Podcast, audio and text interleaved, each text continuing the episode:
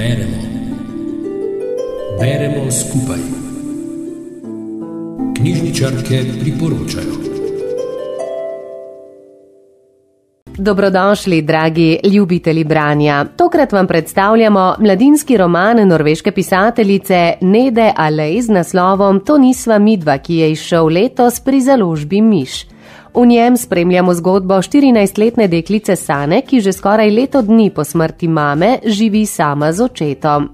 Na prvi pogled se Sana dokaj uspešno spopada s strašno situacijo, v kateri se je znašla. Ne le, da je umrla mama in jo neizmerno pogreša, ampak spontano skrbi še za povsem nefunkcionalnega očeta, ki ga ženi na smrt potegne v globoko depresijo. V njunem domu obstaja eno samo pravilo: očija ne motim, kadar piše. Sana se mora popolnoma pritajiti. To pravilo ni bilo nikdar zapisano niti izrečeno, preprosto je njun dom prežet z njim.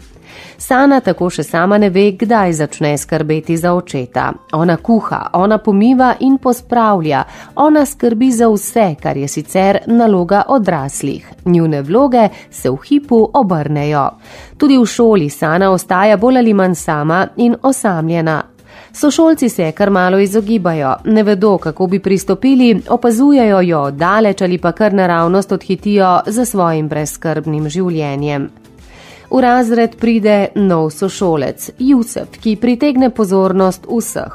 Tudi on nosi pretežko breme, ki bi ga kot najstnik moral nositi, breme lastne družine in mamino nestrinjanje z njegovim izborom šolanja. A navzven je družaben in prijazen. Tudi Sano spregovori besedo. Še več, celo poveže se z njo in preživljata skupne trenutke ob fotografiranju, v katerem je res dober. S pomočjo fotoaparata sta pripravljena na svet pogledati tudi z drugačne perspektive.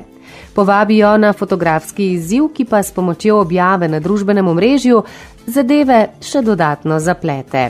Sana ne zmore nositi dvojnega bremena, svojega in očetovega, zaplet z vrstniki pa jo pahne v notranji zapor in začne izostajati od pouka vendar pa ne ostane brez pomoči.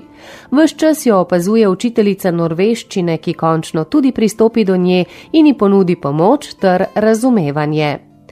Ta knjiga skuša odrasle spodbuditi, da bi mlade videli v tem, o čemer in kakršni so in kar doživljajo, ter jim stali ob strani in bili v oporo.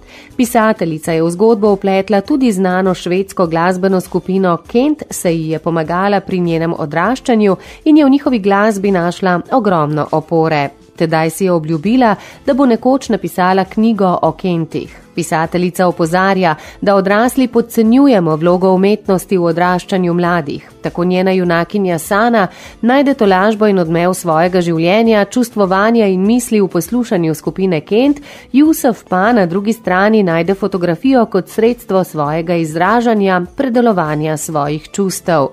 Odraščanje je danes težavno, spremlja ga ogromno pritiskov in umetnost je lahko tisto zatočišče, ki ga mnogi potrebujejo in najdejo v njej. To je poudarila v knjigi tudi s tem, da je bila prav umetnost tisto področje, kjer sta Sana in Jusuf skozi zanimanje za njo uspela razviti svoje prijateljstvo in medsebojno naklonjenost, ki jima je pomagala preživljati turbulentno obdobje odraščanja.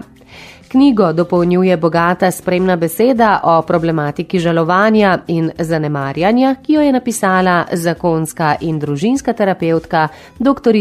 Barbara Kreš.